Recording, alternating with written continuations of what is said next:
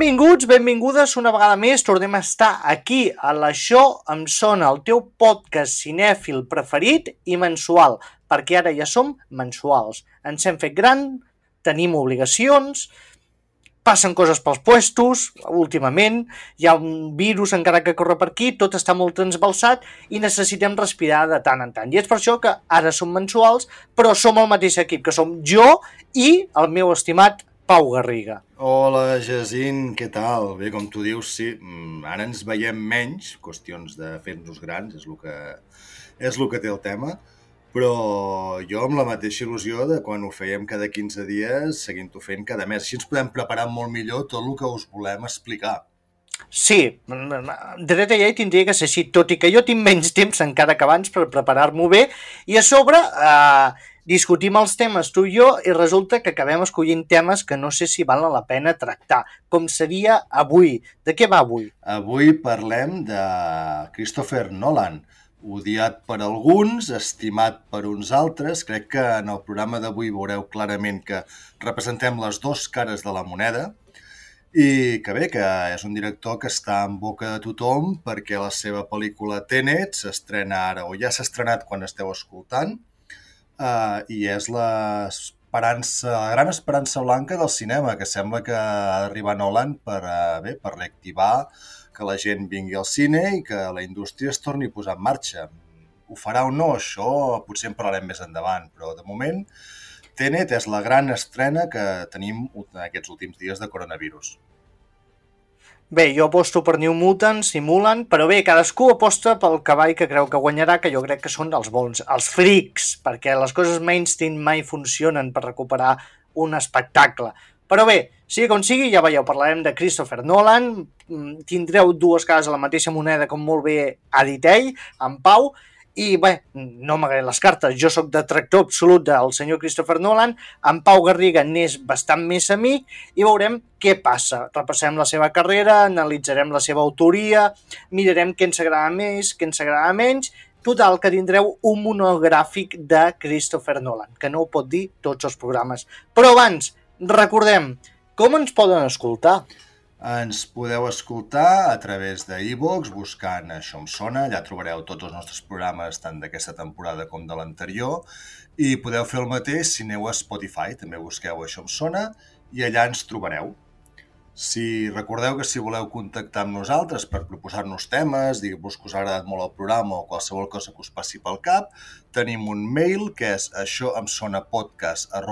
gmail.com ens podeu trobar tant en Jacint com jo amb les nostres comptes o a través de la del programa ens podeu trobar a Twitter, amb arroba això em sona. També ens trobareu a Facebook buscant això em sona. Tenim un Instagram també, que també és això em sona. I finalment podeu entrar al nostre blog on periòdicament anirem penjant bé, notícies relacionades amb el tema que tractem aquest mes, que és aixòemsona.wordpress.com. Perfecte, sí que ja sabeu, no dubteu en inscriure'ns, proposeu-vos temes, eh, feliciteu-nos, critiqueu-nos, gaudiu amb nosaltres, sigui com sigui, perquè ja va siguent hora de començar a parlar de Christopher Nolan. Primer de tot, et volia preguntar, Pau, tu com vas descobrir Christopher Nolan? Jo crec que Christopher Nolan eh, en si, o sigui, com a tenir consciència de qui era, va ser en Batman Begins. Uh, havia vist uh, Memento, havia vist Insomnia, però era aquella època en què no relacionava, almenys en el meu cas, jo no relacionava el nom del director amb les pel·lícules. Vull dir, mirava les pel·lícules, m'agradaven, no m'agradaven, però no m'entrava tant amb la curiositat de, de qui era la persona que hi havia darrere que els estava fent. Al, veure Batman Begins, a mi la pel·lícula uh, em va encantar i, i el vaig conèixer i a partir d'aquí és el punt què dius, vale, vull veure cada pel·lícula que fa uh, aquest director. Vaig recuperar també aquestes que ja, que ja havia vist i és a partir d'aquest punt on jo conec i després, evidentment, a mesura que vas veient les seves pel·lícules, doncs vaig veient l'estil i en el meu cas, a mi, eh, Nolan eh, m'agrada tot i els seus defectes. pues a mi em va passar just amb Memento. Me'n recordo que quan van estrenar Memento va tenir bastant d'èxit tot i ser una pel·lícula bastant independent, i recordo que tothom, tots els crítics, tots els reporters de, de cine, deien que era un director al qual seguir la pista i que era el futur Tarantino. I clar, jo em vaig cabrejar bastant pensant a, veure, a, veure, a, veure, a veure què està dient aquesta gent que està molt loca, anem a comprovar-ho, i clar, vaig veure Memento i vaig dir, però en sèrio que això es pot comparar a Reservoir Dogs o a Pulp Fiction? I a partir de llavors va ser, a veure, potser em fan un gra massa, però potser evoluciona favorablement. I a cada nova pel·lícula era, en sèrio que hi ha algú que pugui suportar aquestes pel·lícules, no les vegi pretensioses i no li caigui l'ànima als peus? I, I aquí he tingut aquesta bella, bonica relació d'amor o odi, no sé com dir-ho, cap a ell, perquè me l'estimo molt, perquè jo sense Christopher Nolan, en qui em ficaria recorrentment? Amb ningú. Tindries l'Abrams encara pel mig. Ah, no, l'Abrams jo no ho critico bastant, eh? Home, tampoc no seria dels teus directors preferits, eh, l'Abrams, que sapi, que recordi, vaja. No, preferit no, però crec que ha fet coses molt interessants. O sigui, mm, qualsevol pel·lícula dolenta a l'Abrams, per mi, és més honesta i millor que qualsevol pel·lícula d'aquest senyor, en Christopher Nolan. Això per descomptat. Un director que li va bastant a la zaga seria James Cameron i Ridley Scott. Aquests dos sí que també les tinc força tírria i podrien anar de la maneta tots junts. Sí, però veus, per exemple, jo amb Nolan eh, estic d'acord amb el que diu, que, que és molt pretensiós, això. A veure, t'agradi o no t'agradi, has de reconèixer. O sigui, uh, no, no, no, no és una persona que es posi a fer pel·lícules petites i quan ho fa vol anar uh, al màxim i, bueno, anar un pas més enllà que potser és el que li dona aquesta fama.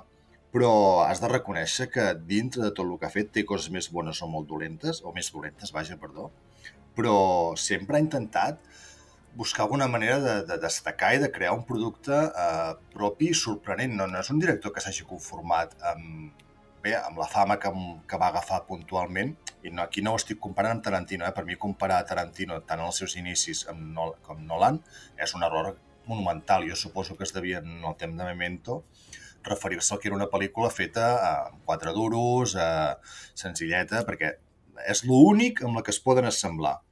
Però que és... I el muntatge.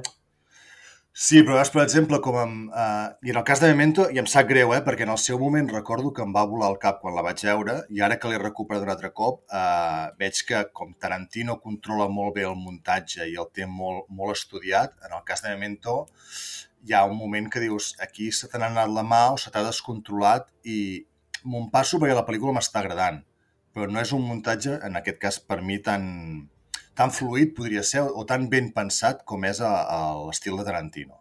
Val? Que això és un dels problemes que té, que té Nolan, que a la que rasques una mica, depèn de quin joc t'intenta fer, eh, se li veu el llautó de seguida. I és, és un dels problemes que tenen les seves històries i, i les seves pel·lícules. Però jo crec que se li ha de reconèixer que, que, hòstia, que és un, un creador i per mi és un bon narrador i un visualment és impecable, que arrisca i que, que, bé, que, que sempre vol intentar innovar i té productes molt i molt interessants. Veus, jo penso absolutament al contrari, que visualment és un personatge bastant nefast, que crec que, això sí, ja ho comentarem, que sobretot se rodeja de gent molt bona, perquè si et fixes, el seu equip ja habitual amb el que treballa, clar, és que són el top 5 de cadascun de les seves professions, però quan li toca realment pringar, que és a l'hora de narrar una pel·lícula, que és el teu gran treball com a, com a narrador que ets, allà falla per totes bandes, tant narrativament com simbòlicament és un autor nefast, o sigui, tampoc té una autoria clara, no saps què et vol transmetre mai, no hi ha un recurrent de res, no, no té una veu pròpia, és una persona que accepta encàrrecs i que més o menys va funcionant, però desenganyem-nos, no és un gran autor, és un director comercial, el que passa és que té el gran recurs, que ja ho parlarem també, que és de fer veure que el que té entre mans és més gran que el que realment és. Però bé, abans de parlar de, de, de la seva carrera i cardar-li hòsties per totes bandes, em sembla que has preparat una mica de biografia sobre ell. Sí, si vols t'explico quatre coses. Uh, Nolan sí. va néixer a Londres el 1970, per tant, mira, just aquest any acaba de, de complir els 50 anys. Val? Des de ben jove que es va interessar pel cinema, perquè els seus pares li van regalar una càmera de Super 8 i és el que ja va començar a fer, bueno, pues, anar gravant les coses i veies que, que el tema li agradava. Però tot i això, el que ell va fer va ser anar a estudiar literatura anglesa a l'University College of London i anava compaginant els estudis eh, amb rodatges de curtmetratges. Té un parell o tres de curtmetratges una mica desconeguts, però que ja començaven a marcar una mica l'estil que, que, que tu no li veus i que, més, eh, que potser l'han anat definint una miqueta. El seu debut cinematogràfic és el 1998, quan tenia 28 anys, amb una pel·lícula eh, molt petita que es va estrenar en festival i aquí crec que ni, ni va arribar, que es diu Following. Val? És una pel·lícula eh, rodada en blanc i negre, com moltes de 16 mil·límetres, en blanc i negre, com moltes de les pel·lis eh, que es feien amb pocs recursos per així poder estalviar una miqueta amb il·luminació o poder eh, arreglar els fallos d'il·luminació que, que et fan tenir el, el fet de tenir pocs recursos. Vale? Aquesta pel·lícula la va rodar mentre estudiava i la majoria de localitzacions i personatges que hi surten són o amics seus o gent que començava també a fer, a fer els seus pinitos en el món de l'actuació i que bé, li va donar com una mica de, de renom. Es veu que, o sigui, jo no sé si tu l'has vist, aquesta, Jacint. Uh, jo... Sí, la vaig veure, però fa anyets, eh, ja, i la recordo com va deixar bastant... Vale, no, no, no li veig el què, però bé. És, a veure, jo l'he vista fa poc, ara, per, per preparar el programa, i, a veure, està bé, però no passa de ser el que en dirien un, un treball de final de carrera, uh, senzillet. O sigui, sí. He vist debuts cinematogràfics molt, molt més bons, que, que aquesta. Però bé, és el que va, va agradar i després va fer uh, Memento, que és, uh, com bé deies abans, on li va arribar uh, el gran reconeixement. Vull dir, la gent bé, va haver una època on era, uh, o sigui, era una de les pel·lícules que estava uh, en boca de tothom i fins i tot va arribar a ser nominada a l'Oscar per guió original i també per muntatge. Mm, el que jo, jo aquí em sap greu, eh? Vull dir, per guió original t'ho compro, per muntatge eh, em costa veure'l perquè el veig molt, molt, eh, molt aleatori aquell muntatge. Però bé, a través de Memento ja sí que fa el pas al davant i fa un salt al cinema més comercial que arriba amb Insomnia, que roda amb Al Pacino i, i Robin Williams i representa el seu salt al cinema comercial americà. Val?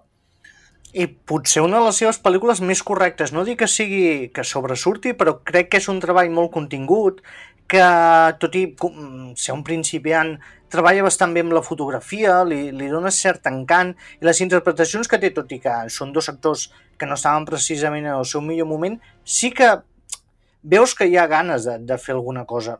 Això que no quedi gravat, si plau. No, no, Insomnia és un bon thriller. Uh, és una bona pel·lícula de cinema negre on jo com, et compro Robin Williams, Al Pacino, no sé si... Bueno, no, no, no m'acaba de funcionar aquesta pel·lícula, però aguanta bé el pas del temps i crec que és, un, és una bona, bona pel·lícula. Potser, per mi, la menys Nolan de, de Nolan, per dir-ho d'alguna manera. Mm.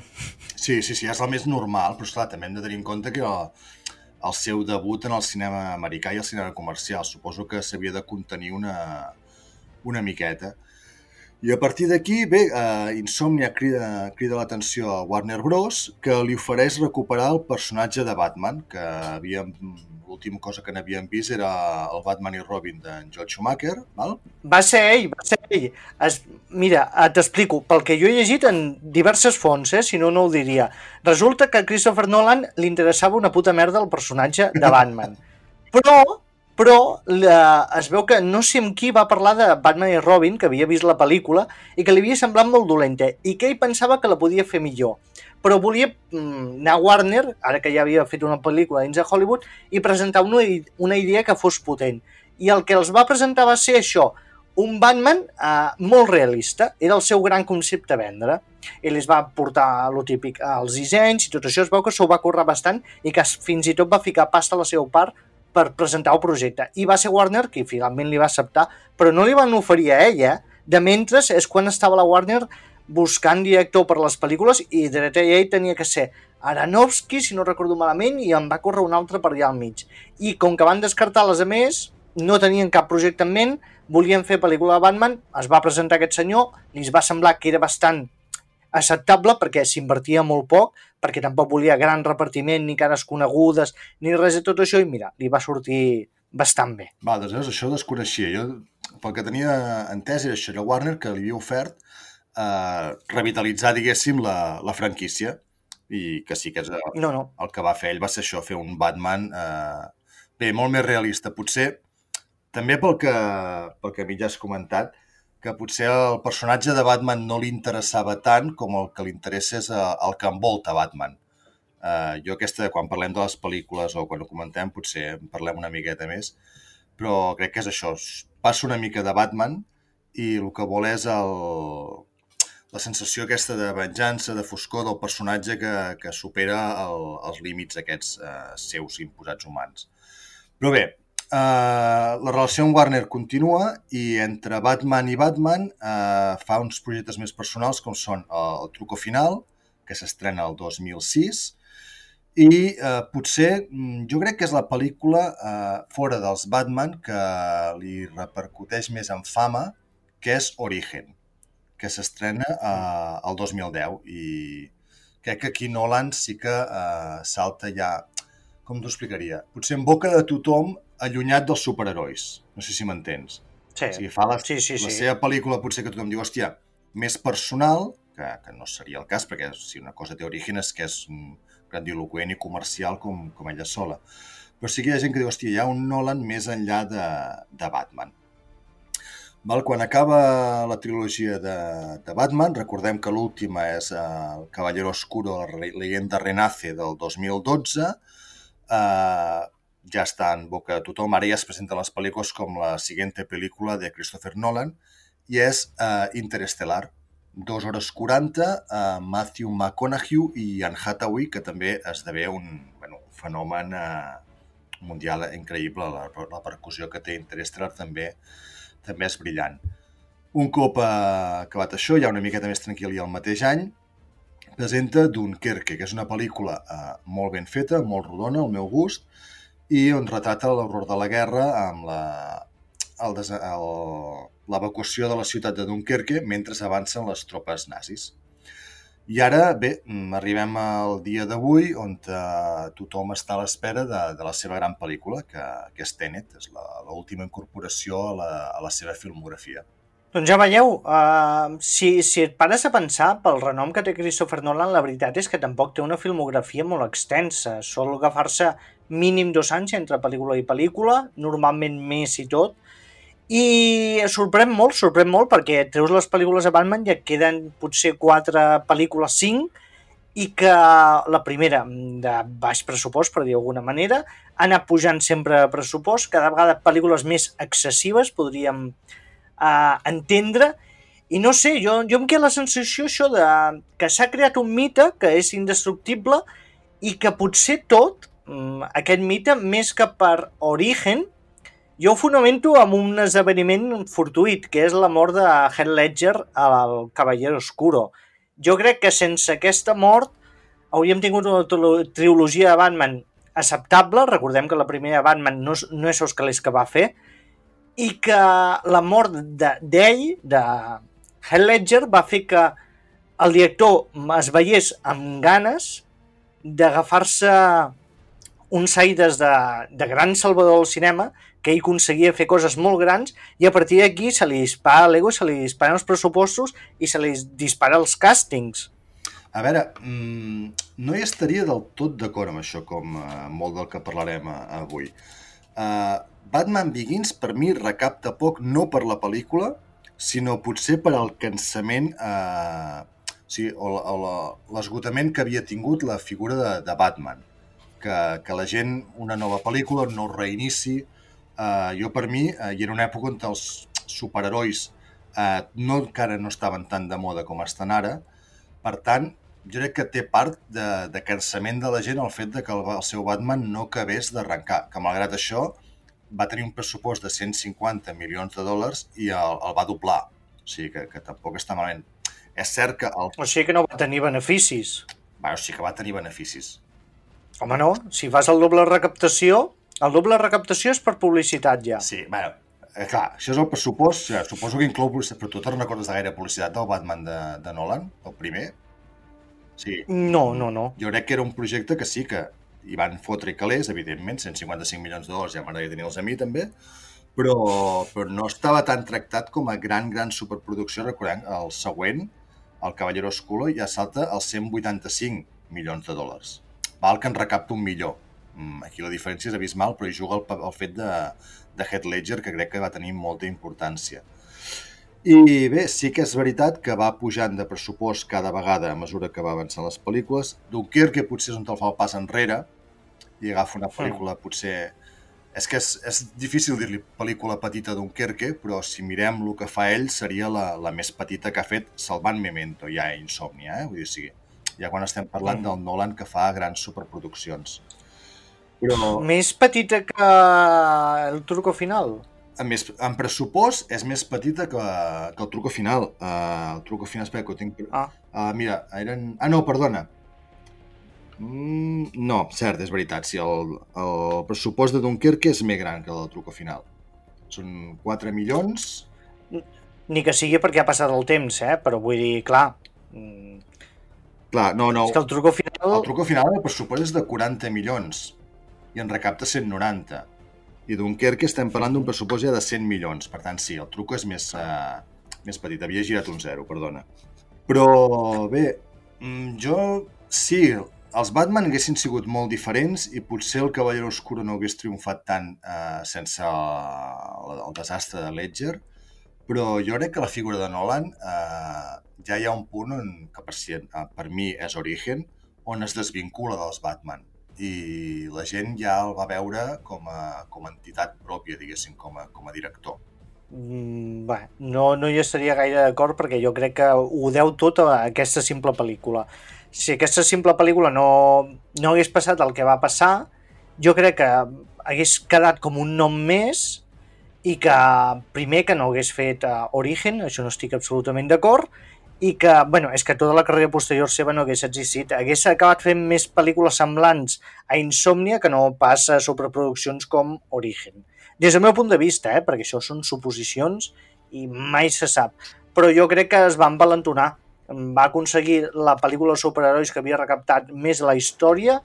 Eh, va tenir la sort de tenir un repartiment que el va acompanyar en tot moment i que l'ha anat acompanyant a mesura que ha anat fent pel·lícules no sé, és que jo crec que és un d'aquells tios que ha tingut molta sort, que, que ha tingut més sort i sapigué portar la sort que no pas talent darrere. A veure, mmm, jo t'accepto i te compro, per exemple, que sense uh, els Batman uh, no hagués fet les pel·lícules que ha fet. És a dir, uh, dubto molt que li haguessin deixat fer uh, el Prestige si, si Batman Begins no hagués funcionat bé. I molt més encara li haguessin deixat fer Origen, si el Cavallero Oscuro no hagués sigut l'èxit que té. Crec que té aquesta dualitat d'agafar i dir, vale, us faig la pel·lícula comercial eh, com són eh, els tres Batmans, vale? però a canvi també tinc la, me doneu la possibilitat de fer les meves pel·lícules més, més personals o, o més que surten de, de lo normal. I d'aquí neixen Inception o, o Interestelar, perquè Interestelar eh, devia ser difícil de vendre si no fos per, a, per l'èxit de, dels Batman. Per tant, aquesta part la compro, però no el fet de que la seva carrera depengui absolutament dels tres Batmans. Jo crec que la seva uh, és una l'empenta que, que li dona, que el fa conèixer, el fa saltar a la, a la fama o al reconeixement, però després la resta de la filmografia és el que l'estabilitza o que li dona dir, una base de dir no, no, jo vaig més enllà dels Batman, els Batman són uns magnífics productes, però la meva manera de fer cinema s'assembla més a la d'Origen o la de l'Interstellar que no pas la de Batman. Bé, fem... reflexionem-hi perquè més que res ja estem entrant dins el que seria repassar la seva filmografia així per l'amunt, mm. eh? Tinguem present, Batman Begins és un producte correcte, que no va més enllà, o sigui, és correcte, no ho negaré mai, potser és de les pel·lícules més interessants que té, però tampoc et, uh, uh, hi ha res que diguis, hòstia, aquí hi ha un autor que m'intenta explicar alguna cosa molt concreta, que busca anar més enllà del que hem vist. O sigui, és exactament el que hem vist abans, traient-li tota la decoració que fotia Tim Burton, que era gòtic, i Joel Schumacher, que era ficar-hi neons. Si ho portaves a un camp més realista de thriller, obtenies aquest Batman, que igualment hi ha errors per totes bandes, el muntatge a vegades em sembla mm, fora de lloc i és molt recarregada per lo simple que és. Hi ha escenes que s'allarguen eternament per no explicar-te absolutament res. I després també recordem que està basat tota la pel·lícula en una actuació ramplona com és la de Christian Bale, que no va enlloc, perquè és un personatge que no va enlloc. O sigui, tot es mou al seu voltant i ell és incapaç d'absorbir el que passa al seu voltant i transmetre-ho. Després tenim El Caballero Oscuro, que és una pel·lícula molt ambiciosa, dins el que seria una pel·lícula de superherois realistes, però que se li en va de les mans cada dos per tres, que sap rodar alguna escena com la primera, la de l'atracament al banc, que crec que és molt interessant, absolutament, que s'aguanta la pel·lícula simplement perquè hi ha una actuació destacable del Joker, és que és evident. Tota la part aquella que se'n va a Japó és horrible mm -hmm. i no aporta absolutament res a la trama. El que tenim són frases grandiloquents, que és el que sembla que li agrada al seu públic, però és que tampoc t'expliquen res. Me gusta verlo todo arder, me gusta el caos, i, oh, el personatge no explica d'on te surt el seu origen. Això ja passava amb el Joker d'en Batman, que et donaven diferents orígens. És que no aporta res de nou. L'únic que tens és un actor que estava malament del cap, pobret, que es va acabar suïcidant, que fa una actuació molt extrema. I ja per últim, quan has de demostrar que realment ets un director solvent, que vols anar més enllà, que ho tens tot pensat, preparat, que ets realment un tio que en sap, fas el Caballero Oscuro, la leyenda renace, que és de vergonya. Sí, sí, això t'ho compro tot. El problema és que jo no centro l'autoria de Nolan en aquesta trilogia. Per mi aquest és el, el, el Nolan... No quedem un autor, la gràcia d'un autor és que faci el que faci té la seva marca. No, home, sí, a veure, sí, si me'l compares, per mm, exemple... A... Ets com dir, no, no, per exemple, um, tornant a, a Tarantino. Tarantino té una manera de fer molt, molt seva. Val? Això ho entenem. Podríem dir, Michael Bay té una manera de fer molt, molt seva. Nolan, jo per mi té unes pel·lícules que, que són seves, que són uh, el seu producte i la seva manera de, de fer el cinema i d'ensenyar el cinema, però paral·lelament té unes pel·lícules que són més comercials o, me, o més senzilletes, com poden ser els Batman o com pot ser Dunkerque també que és una pel·lícula més, més lineal, menys del seu propi, eh, la seva pròpia autoria cinematogràfica. I crec que no, són contra, o sigui, no estan contraposades. Marca una manera de fer cinema que li permet fer les pel·lícules que li venen bé en aquell moment.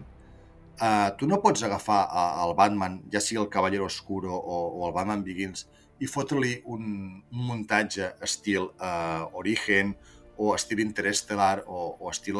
Però si és el que fa Batman Begins. Batman Begins fa exactament això. Però no, si jo per mi no... Van de venir no... enrere tota l'estona, molt mal portat, perquè fa talls massa llargs. Clar, però per però això mateix... Això exactament. Però fa... Ho adapta, potser... Per mi no ho és tant, o sigui, aquí no, no, no ho fa servir tant com ho fa servir eh, amb aquestes altres pel·lícules que he dit. Però jo les diferencio, per mi fa un molt bon producte de, de cinema comercial mm, de tall clàssic, per dir-ho així, o sigui, del típic cinema de crispetes ben fet, i per l'altra banda té un cinema una mica més, més arriscat, més, que potser també és el que més, eh, entenc, eh, potser el que més falla, el que té més errors, perquè s'arrisca més a, a l'hora de fer-los.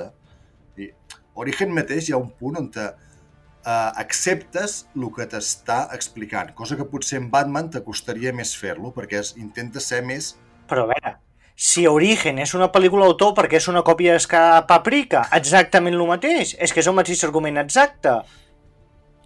I és exactament agafar Paprika i barrejar-ho amb James Bond. Punt.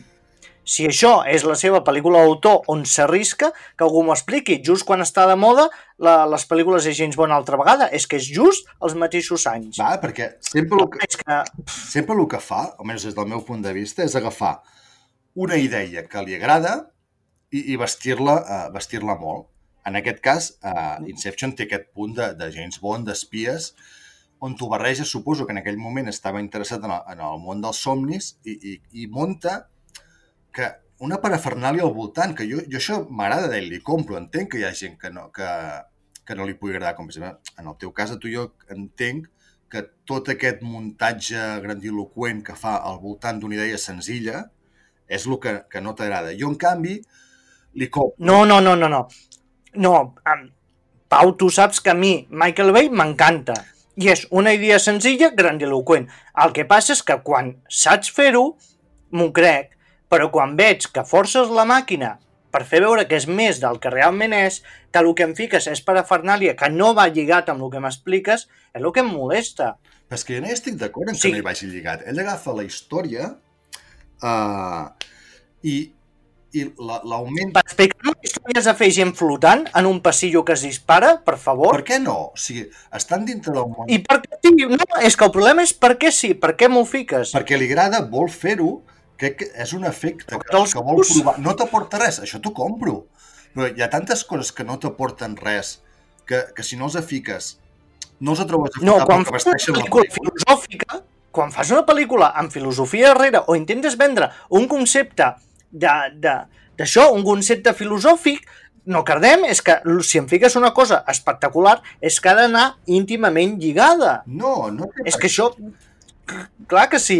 No, home, no. O sigui, jo crec que l'espectacularitat que t'ofereix per una banda és complementària a, a, a, a la profunditat del... No seria del missatge, perquè les, les pel·lícules no fotem, missatge no en tenen, però sí a el que te vol explicar. Uh, hòstia, és una persona, sí, segurament té un ego que, que emplanaria uh, tres o quatre cases, per dir-ho així. Però això li fa pues, fer-ho tot més gran i, i té una pel·lícula que es tracta d'una idea tan bàsica com, com un robatori, que en aquest cas ell passa a introduir una idea dintre del cap d'algú, a somiar el subconscient el que vulguis, i sí, t'hi fot una, una escena d'acció eh, eh, amb, amb un passadís fent voltes, o la que per mi és més d'autora de, de James Bond, en aquest cas també, que seria la persecució aquella amb, a la neu, eh, que allò, Sí, sí, sí. però, vale, perquè ell t'agafa la idea i diu, hòstia, doncs vull fer-ho això. I s'ho pot permetre, i, i per mi ho fa bé. O sigui, estan, hòstia, estan totes molt ben rodades i, i estan molt ben fetes. Doncs endavant, tu, mm, mentre no. Ben rodades, no cardem. Tu creus que les escenes d'acció a les pel·lícules en Nolan estan ben rodades? Sí. No seria el Sí, que més bé se li dona, però sí, home, Que, que sí. La... Lluites de cos a cos que no sap rodar-les, que és el més bàsic quan et dediques a fer pel·lícules d'acció normalment i no sap fer-ho, és que no fa... A veure, comencem. No fa pel·lícula... A veure, jo no gen...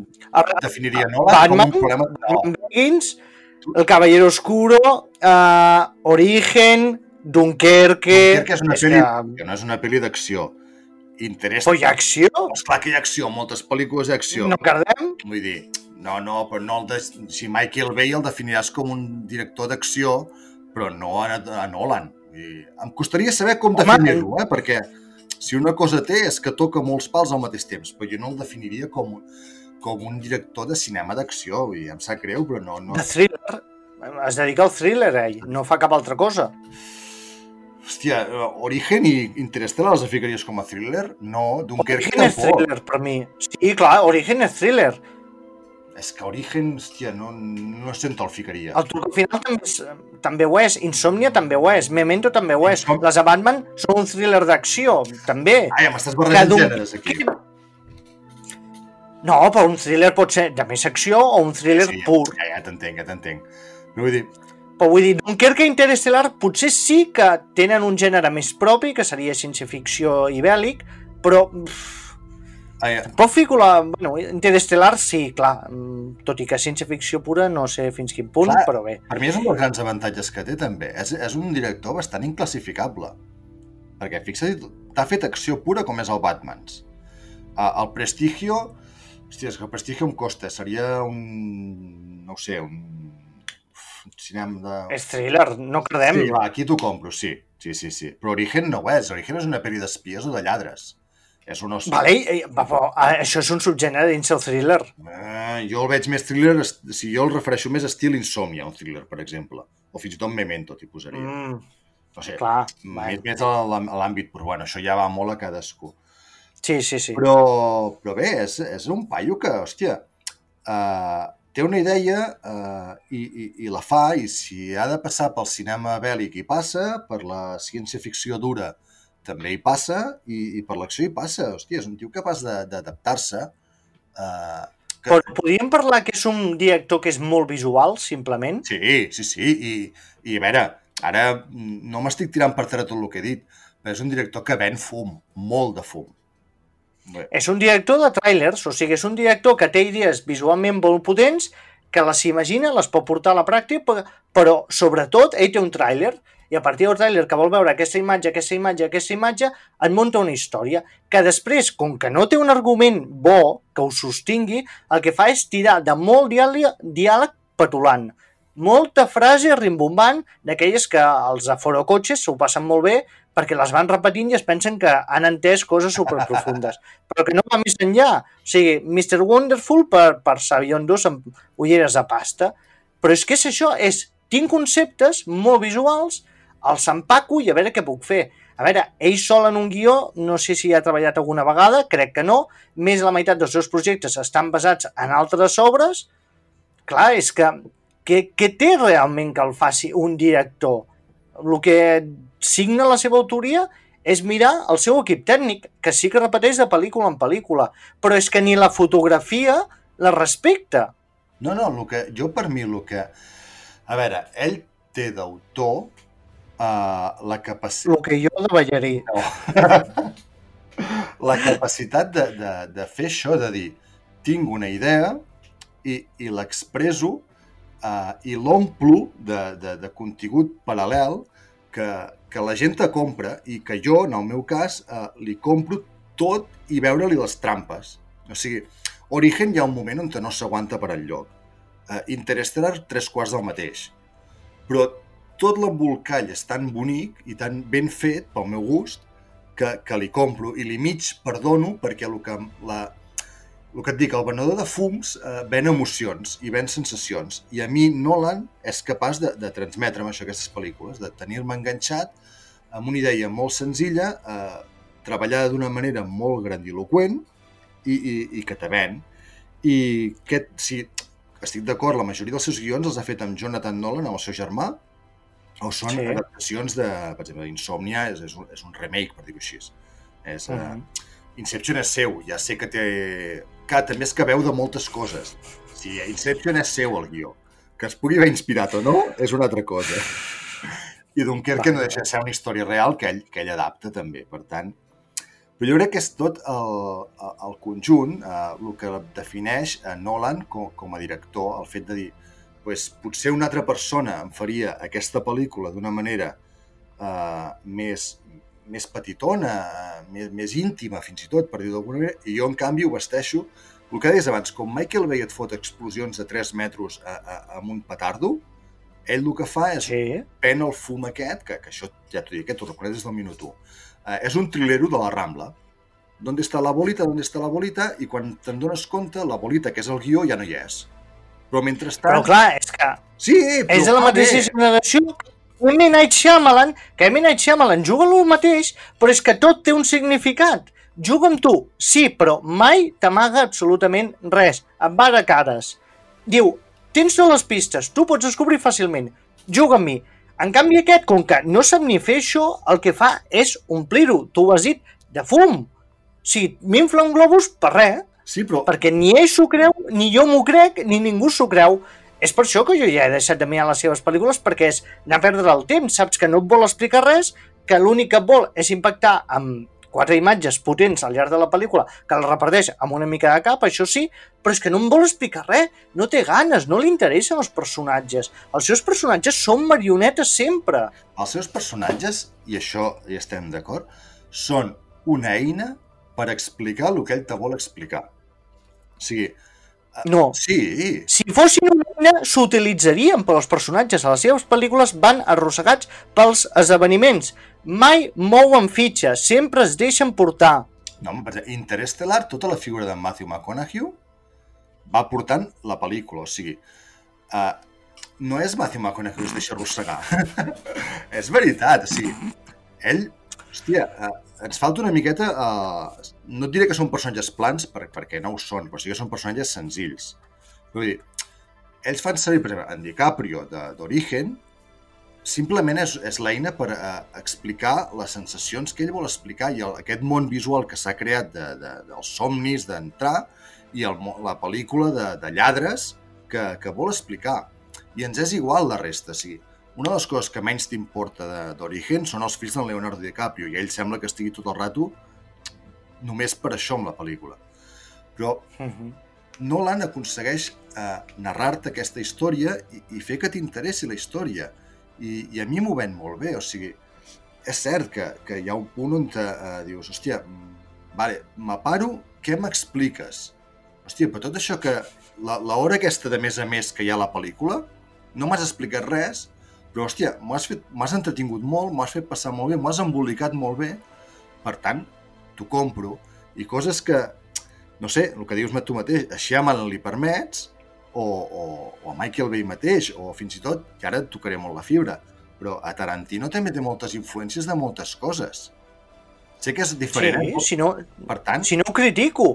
Però és que ell ho sap perquè ho fico. El que jo critico és que Nolan construeix estèticament, però és buit. però és que ell el que et vol Tarantino vendre és... sap què vol explicar i agafa elements de cada pel·lícula per retratar exactament allò que et vol explicar.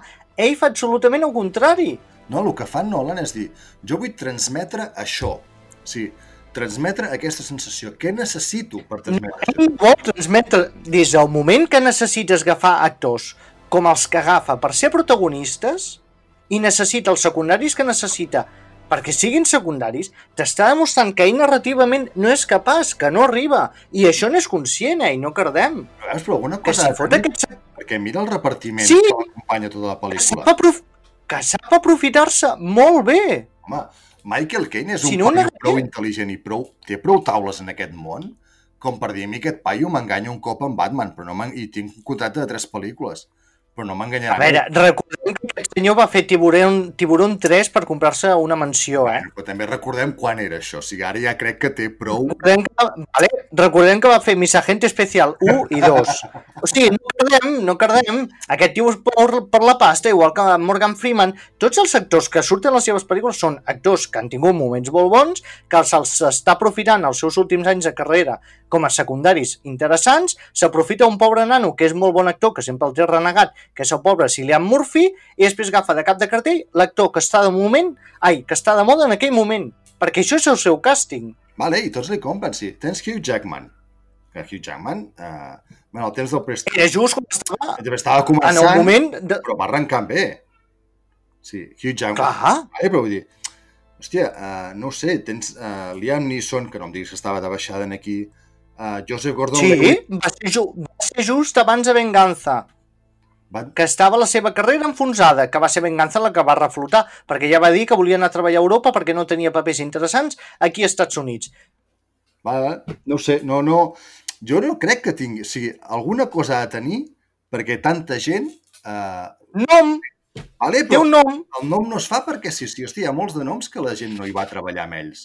I, i Nolan, eh, per mi, se'l ven, el té el nom, i l'ha guanyat, i, i, i és un... O sigui, hòstia, eh, és, per mi és un molt bon narrador de, de sensacions, eh? Tornem-hi, o sigui, que te, te ven molt bé aquesta emoció, aquesta capacitat de vull transmetre això i, i ho faig a, a, a la meva manera, pues, mm, no, si és que no vull dir tractant el públic d'estúpid, de, d'estúpid, perquè tampoc ho és, perquè jo sóc el primer en passar-me... No, jo sóc el primer en passar-me les seves... Eh, les seves trampes, eh? Vull dir, i, i, i ho accepto i, i li compro. No ho sé, eh, jo sé que ja sabia, aquí no ens posarem d'acord eh, amb gairebé res, eh? Però jo crec que si eh, actors de, repeteixen a més a més, o sigui, hòstia, Christian Bale, eh, a part dels Batman, ha repetit també eh, amb el truco a final. on? Eh, No, no, no, això, estava, això és quan estava fent Batman encara. Ah, sí, perdó. Bueno, també, sí. Tens en Tom No ha Hardy, repetit mai més amb ell. no ha repetit mai més amb ell, potser perquè no, tampoc Christian Bale. Ah, ah, no, no és un dels actors amb més prestigi actual, eh? No, no, no. sí que ho és. No, dir, ha fet quatre pel·lícules amb És ell. que... Home, tens l'Anne Anne Hathaway, que també repeteix. Tom Hardy, que repeteix.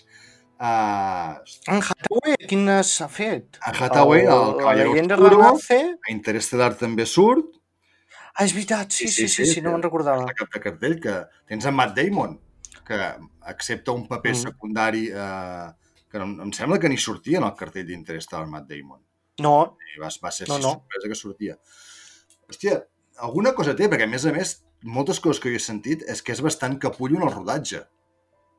Vull dir, Hòstia, doncs mira que té la pinta de ser just el contrari. no, vull dir uh, jo coses que he llegit d'ell és de que, primer de tot, completament prohibit uh, l'accés de mòbils uh, o l'ús de mòbils durant el rodatge. I ho vaig llegir diverses vegades, no sé si, si és del tot cert o és d'aquelles bulos que corren per internet, però que prohibia uh, les cadires en els rodatges perquè la gent no s'apalanqués i es descansés. Mira que cal ser subnormal. Però dir, si tu tens un tio que és així de capullo dirigint-te, és... no repeteixes. Alguna cosa més ha de tenir. Mira, et, et dic una cosa. L'Albert Serra falsa als Estats Units i seria Christopher Nolan. Hòstia, no, tio. La vegada serà falsa als Estats Units serà l'Alicia Seria- Robuixet. No fotem. S'adaptaria a Hollywood, faria quatre collonades per tenir una mica el personatge i tenir una mica de nom i anar fent, anar fent, anar fent. No, no. Jo és que és això... Clar, és que a mi aquest tio ara fes una pel·lícula simple, de pressupost baix, i dic, vale, s'ha arriscat i fa una cosa interessant, original, tal, em trauria el barret. Però és que veig que aquest tio mai s'embarcarà en un projecte així. O sigui, Però per què jo el veig incapaç, aquest tio... Sí? Què? Per què li exigeixes això? Si és un paio que li agrada fer pel·lícules grandiloquents i les fa ben fetes, que des del moment que dona lliçons de com has de mirar una pel·lícula, doncs ja em molesta. Que em digui que no pot rodar ell en digital perquè això no és cinema, perquè només ho pot fer en cel·luloide, un tio que després et demostra que per la merda que fa ho podria fer directament amb un còmic, doncs no.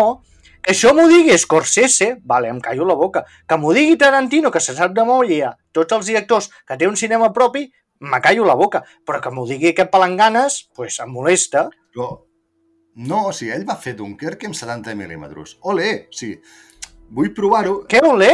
Que... Ho va començar a fer després del que ho va fer Tarantino, és que és el que em rebot. Sí, molt bé, però ho va fer-ho, vull dir, és el que dic. O sigui, ell el que té és un projecte en ment i, i, el, i el tira endavant i, i ja està, vull dir, no, no, no hi veig el, Endavant, té una productora que és Warner Bros que li tira el projecte. Ell l'únic que fa, m'agradaria tenir aquest, aquest i aquest, i tinc aquest guió. Vale. Que me'l repassi el meu germà, que faig faltes. I- I ja està. i Warner li compra i, i endavant i, i, i tu, tu, tu, És com la mascota. És la... És com Clint Eastwood. Clint Eastwood li estan fent pel·lícules encara que siguin merda. Per què? Perquè és Clint Eastwood, té nom, guanyaràs premis o guanyaràs rellevància. És que mirem això, jo m'he estat repassant tots els premis que té el senyor Christopher Nolan en el seu haver, que és un dels directors més destacats de l'última dècada. Sabeu quants són? Exactament zero. Però ara, Zero. ara li donaràs rellevància als premis? No, però vull dir, Clar. si com a mínim ets tan bo que tots els sectors volen treballar amb tu, alguna cosa deus tenir interessant que cridi l'atenció. Però, sí, fem un, un ara així a, atracament a mà alçada, eh? O sigui, quants grans Sí. directors ens trobem que no tenen eh, reconeixement de premis?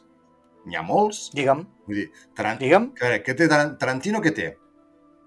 Ja t'he tocat el Dos teu, eh? Oscars al millor... De, dos de Oscars al direcció, millor guió. Direcció, direcció.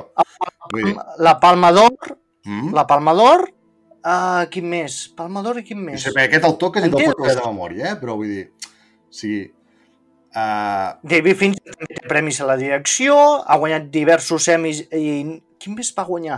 És que tots els directors s'entenen. Tots els directors que remenen molts calés i els actors es maten per treballar amb ells són directors que, a part de que són reconeguts pel públic, que tenen cert nom, que són populars, normalment se li reconeix mm, al cap de tants anys alguna pel·lícula deus haver fet destacable. Però és que ell no en té cap. Absolutament cap. però és que no, no, I collons que remenen molts calés. Per què els sectors volen anar-hi a treballar si no és pel nom?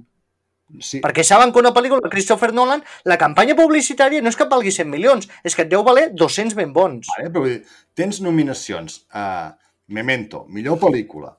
Ai, Memento, Sí. millor guió, perdona. A Origen, millor pel·lícula. Els Globus d'Or també té nominacions tant per Origen com per Dunkerque. Uh, els BAFTA, o sigui, que els guanyi no és una altra cosa, però que se li reconeix el talent. Tots sabem que no, no sempre el millor guanya, guanya el premi. I no crec que hauríem de- d'avaluar Nolan ni cap director, vull dir, això ja per començar, fins i tot els actors. No, no, per, per sí. seva però, hòstia, mm, ens, o sigui, hi ha això, no, no tothom uh, li dona el reconeixement. Però fica't al meu lloc. Uh, no el puc reconèixer pels premis, no el puc reconèixer per les seves pel·lícules. Per què, el puc, què No, em pot cridar l'atenció? Què puc respectar? Ah, És que no hi ha res que puguis respectar d'aquest home. és que t'en- t'entenc, eh? I, i, i uh, de fet és una de les coses que, que em sorprèn de Nolan, uh, i que a vegades em fa pensar amb ell, uh, a comparar-lo amb Shyamalan, per exemple, de que no hi ha punt mig. O sigui, són, és un director que o, o t'agrada, com és el meu cas, i que soc, o sigui, és allò, com t'ho diria, un, un amor sec d'aquests de t'estimo uh, malgrat el capullo que ets i, i, i t'ho compro tot perquè és, és, ho reconec, eh? té, té, té molts fallos, vull dir, la, les seves pel·lícules, el que ja t'ho he dit moltes vegades, i t'ho he dit avui mateix, ven fum, ven molt de fum, però jo aquest fum m'agrada. És el fum del tabaco de tira'm que fa dues setmanes que no fumo i no vull encendre el cigarro i me l'empassaré, i ja està. I simultàniament també entenc que hi hagi gent que, que no li agrada, com, com és el teu cas.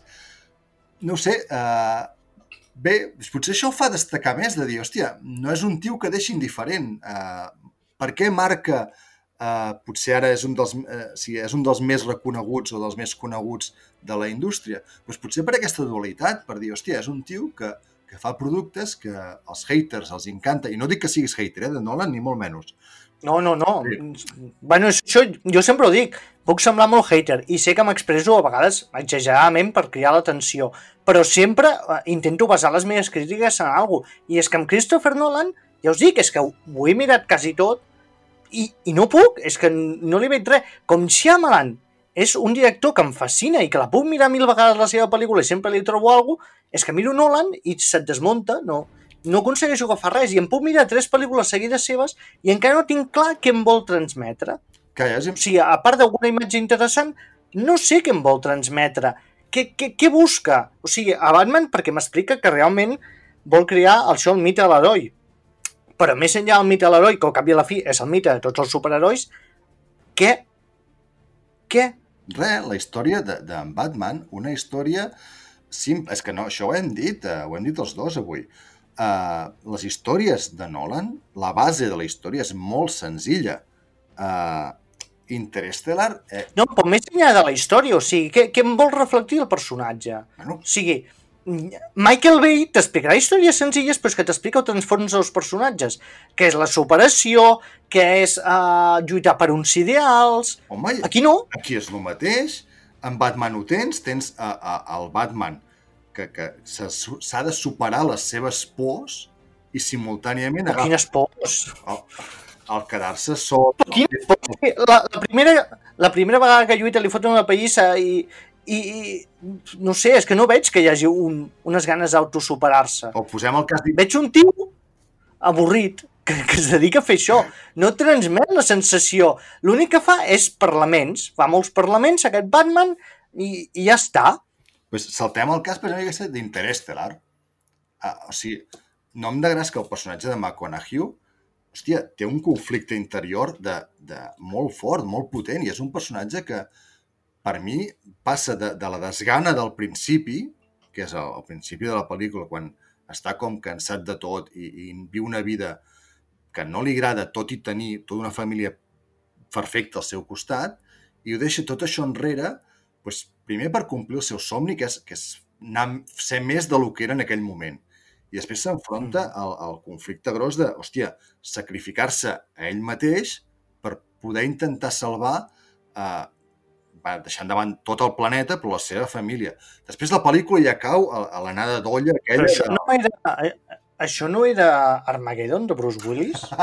sí, però la versió uh, de Nolan és sense tantes explosions i, i M'entens? amb 40 minuts. Sí, però és que ell vol, jo crec que en aquesta pel·lícula, per exemple, posem el cas d'aquesta, volia explorar el concepte de, de la família i fer una mica de, de crítica social també, que no seria el tema president de Nolan, eh? però en el cas d'Interstellar en concret, jo crec que ho, ho apunto una miqueta.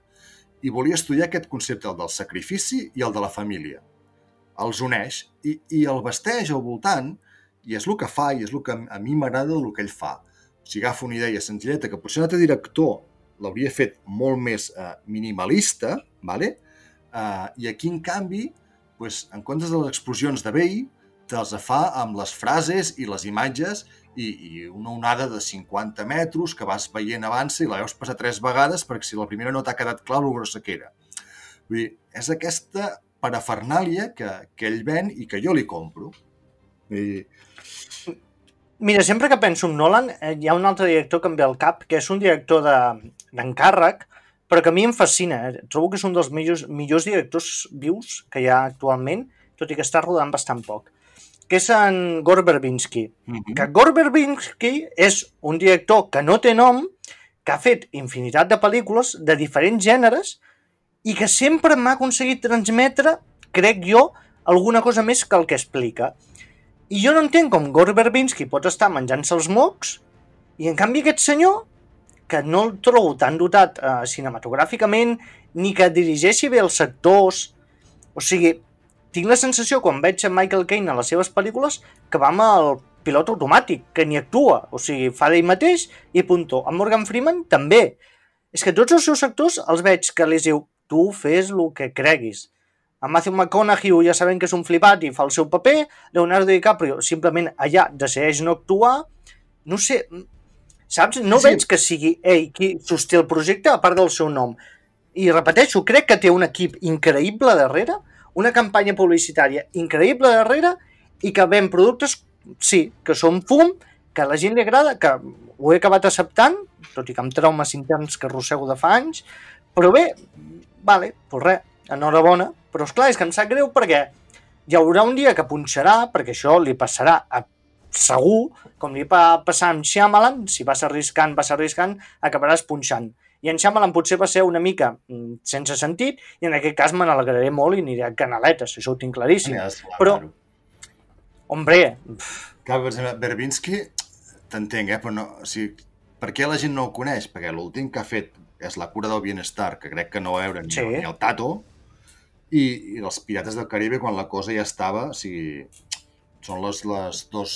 La, no, va fer les primeres, que és la molt bona, i després va, va anar fent la resta. que són... Va fer primera, segona i tercera. Sí, que va, o sigui, és un producte que per mi va de capa caiguda eh, a partir de la primera meitat de la segona, per dir-ho així.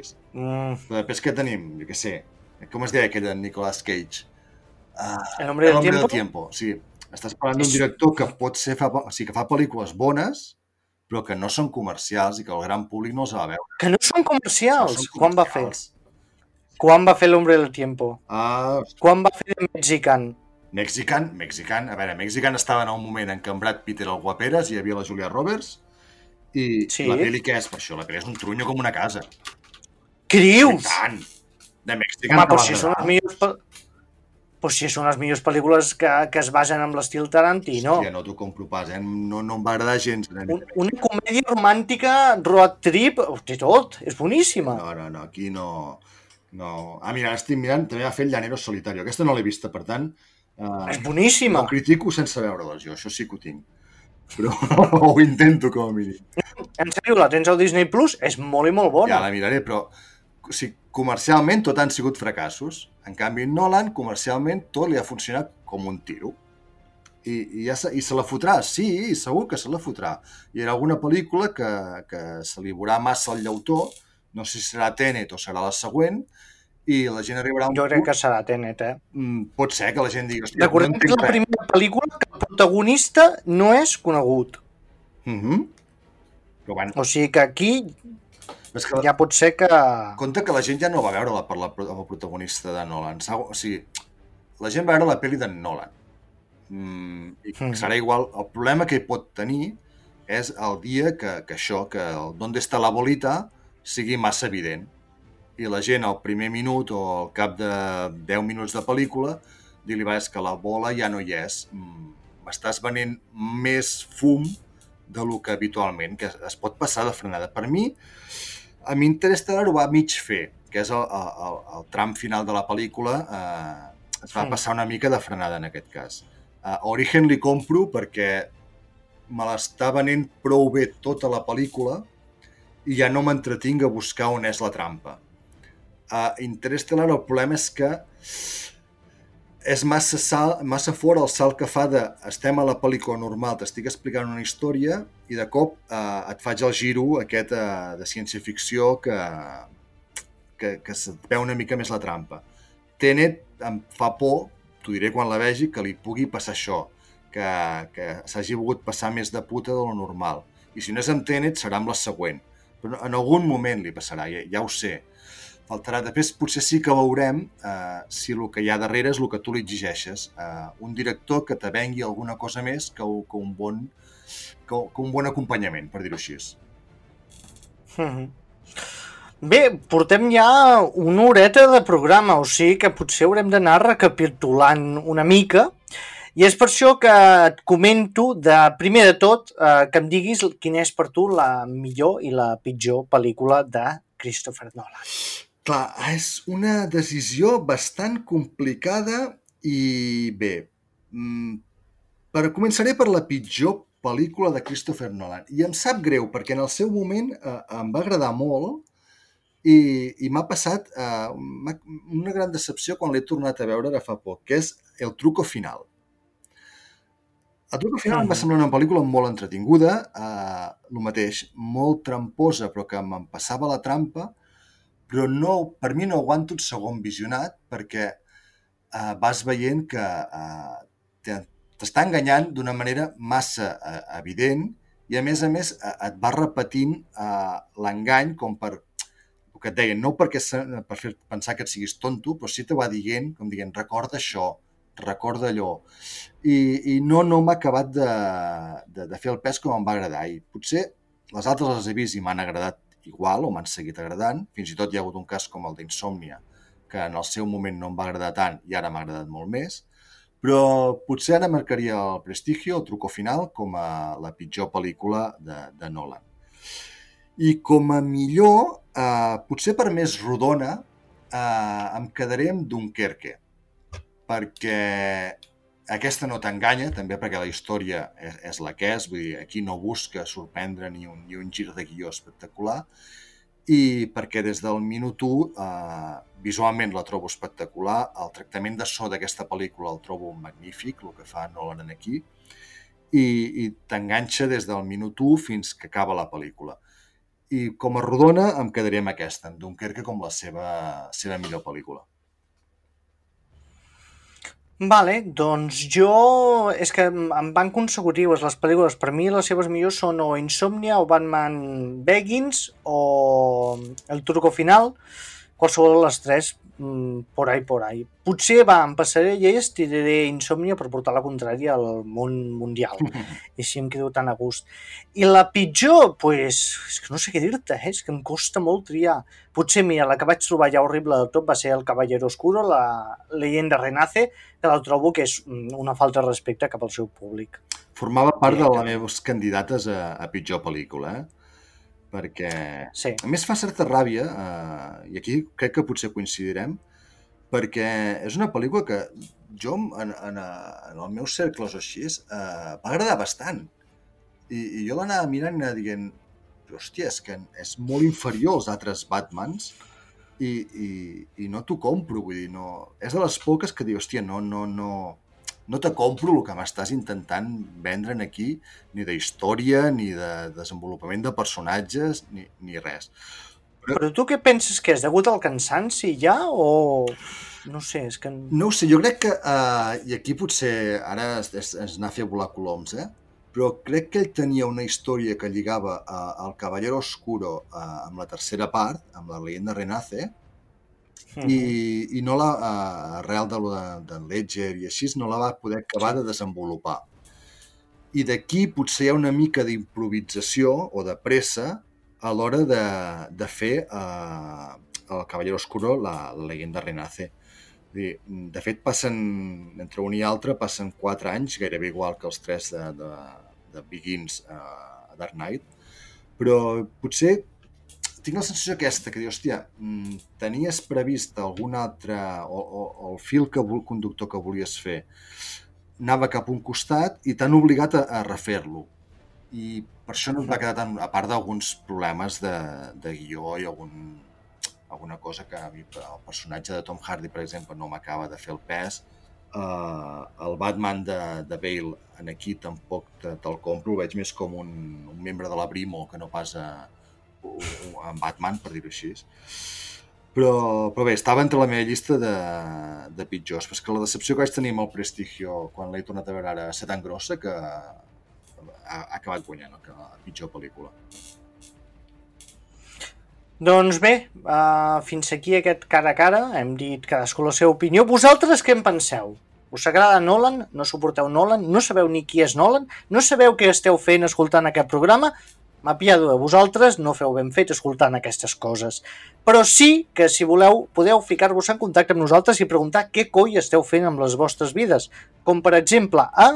A través de Twitter, amb arroba això em sona, buscant-nos a Facebook com a Això em sona, escrivint-nos uh, un mail ben bonic a aixòemsonapodcast.gmail.com uh, Podeu xafardejar el nostre Instagram, que és també Això em sona, i si voleu entrar a la web a veure què expliquem de Nolan, de les seves produccions i de les seves pel·lícules i què n'opinem, podeu entrar a aixòemsona.wordpress.com. Doncs jo crec que hem arribat al límit de la nostra capacitat de discussió, o sigui que ho deixem aquí, però clar, com que avui és un tema que li interessava més al senyor Pau Garriga que a mi, deixaré que s'acomiadi ell. Bé, doncs, eh, res, animar-vos a, a veure Tenet, a, a veure què ens porta aquest gran narrador, per mi, per molt que en Jacint no hi estigui d'acord, aquest venedor de fum, que jo també accepto, i res, ens veiem d'aquí un mes, Jacint, anem parlant i eh, buscarem un tema que us pugui interessar i que us animi a escoltar-nos. I recordeu, si us agrada, a part de contactar amb nosaltres a través de les xarxes, compartiu i recomaneu-vos, eh, recomaneu-nos als vostres amics, coneguts i saludat. Jacint, com sempre, un plaer parlar amb tu i discutir encara que avui clarament eh, estem a, a pols oposats, i, però com m'ho passo molt bé i ha sigut una conversa molt, molt interessant, on no m'has fet canviar d'opinió, però potser sí m'has fet veure alguna cosa més de Nolan que, que el seu fum em tenia els ulls eh, entelats.